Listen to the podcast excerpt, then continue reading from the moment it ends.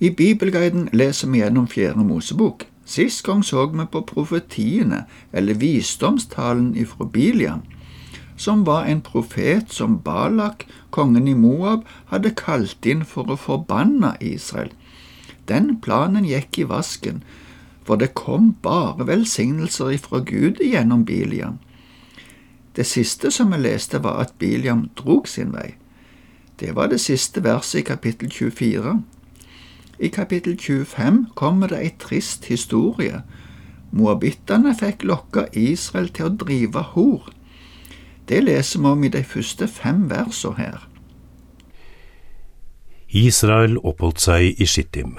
Da begynte folket å drive hor med moabittiske kvinner. Disse kvinnene innbød dem til ofringer for sine guder, og folket spiste og tilba gudene deres. Da Israel bandt seg til Baal Peor, flammet Herrens vrede opp mot Israel. Han sa til Moses, Ta alle lederne i folket og heng dem opp for Herren under åpen himmel.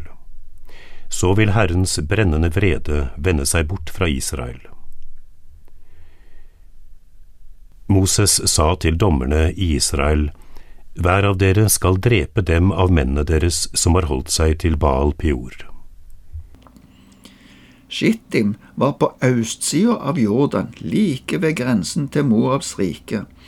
I slutten av kapittel 23 ser vi at Balak tok med seg Biliam opp på toppen av Peorfjellet, dette var tydeligvis den plassen der de mente det bodde en gud som kaltes Baal Peor. For denne guden hadde de offerhandlinger. Baal er en fruktbarhetsgud, og dyrkelsen av denne guden var ofte forbundet med seksuelle handlinger. Det er nok noe av det som skjer i dette tilfellet. Kvinnene hos Moab inviterte Israel til å være med på denne gudsdyrkelsen.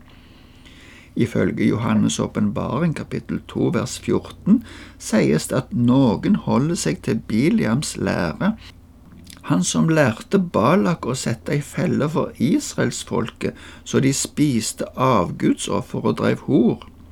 Med andre ord forstår vi at Biliam ikke drog hjem, slik som det ble antyda på slutten av det forrige kapittelet. Det ser vi òg i kapittel 31. Dette var det første møtet med den falske gudsdyrkelsen i dette området, som gjennom hele Israels historie framover ble en stadig fristelse til frafall ifra Gud og Hans ord.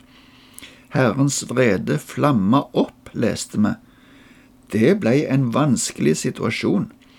Baldyrkelsen var en av hovedgrunnene til at Gud ønska å utrydde alle som bodde i Kanan men nå hadde Israel gjort seg delaktig i denne gudsdyrkelsen.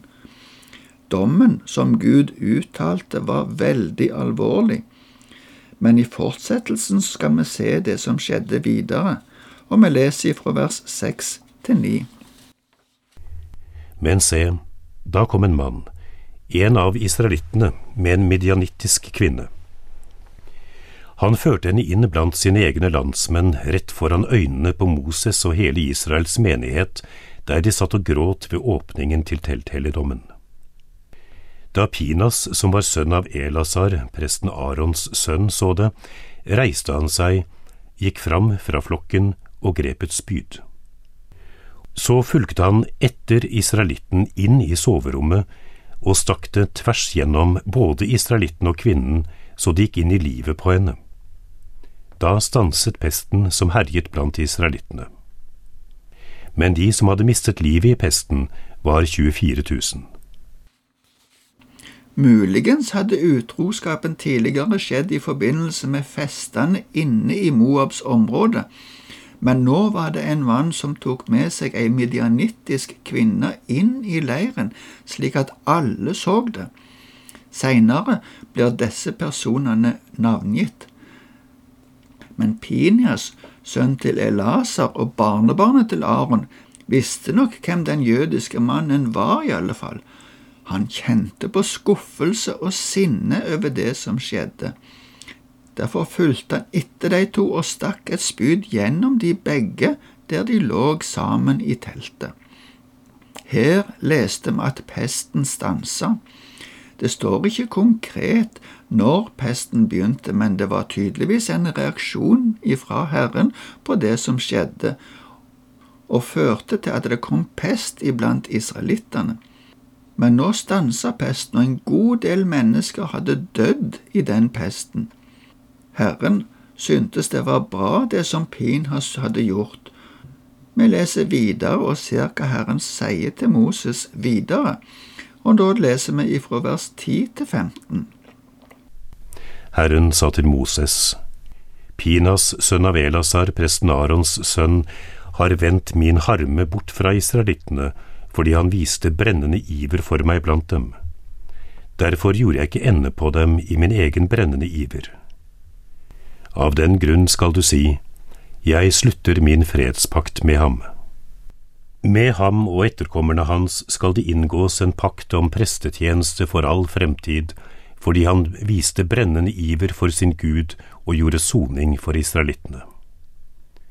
Navnet på israelitten som ble drept, han som ble stukket ned sammen med den midianittiske kvinnen, var Simri, sønn av Salu, en av lederne i Simons stamme. Den midianittiske kvinnen som ble drept, het Kosbi. Hun var datter av Sur, som var overhodet for en av slektene i Midian. På grunn av holdningen til Pinhas lova Gud at prestetjenesten alltid skulle bli værende i denne stammen. Pinhas ærer Gud med alt han gjorde. Han ville ikke ha denne uretten inn i leiren. Gud ga Pinhas ære for det han hadde gjort. Så ser vi navnet på israelitten, som tydeligvis var en leder, eller i alle fall så var han sønn av en leder i Israel. Den midianittiske kvinna var datter til en av overhodene i Midian. Kanskje hun var en av lederne i gudsdyrkelsen for Baal. Nå sier Gud til Moses at israelittene skal gå til angrep mot midianittene. Dette var en slags hellig krig for å utrydde utroskapen og avgudsdyrkelsen. Gud ville hevne ondskapen og den fella som midjanittene hadde lagd. Krigen begynte med en gang, men den beskrives mer i kapittel 31. Vi leser nå videre fra vers 16 til 18. Siden sa Herren til Moses. Angrip midjanittene og slå dem ned. For de angrep dere og la en listig felle for dere. Det var det som skjedde i saken med Peor og med Cosby, hun som var datter av en midjanittleder og en av deres egne, og som ble drept da pesten herjet etter saken med Peor. Gjentakelsen av navnene og stedene har til hensikt å hjelpe folket til å huske dette, slik at det kan hjelpe til å unngå lignende farer i framtida. Etter at pesten hadde slutta, og før de skulle gjøre seg klare til å gå inn i landet på den andre sida av Jordan, sa Herren til Moses at nå skulle de telle folket på nytt. Det er den andre folketellingen i forbindelse med ørkenvandringen.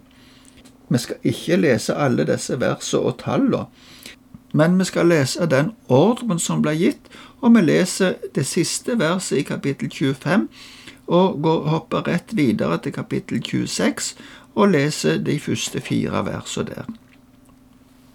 Da det var slutt på pesten, sa Herren til Moses og presten Elasar, Arons sønn. Tell opp hele Israels menighet, familie for familie, alle stridsdyktige menn i Israel som er 20 år eller mer.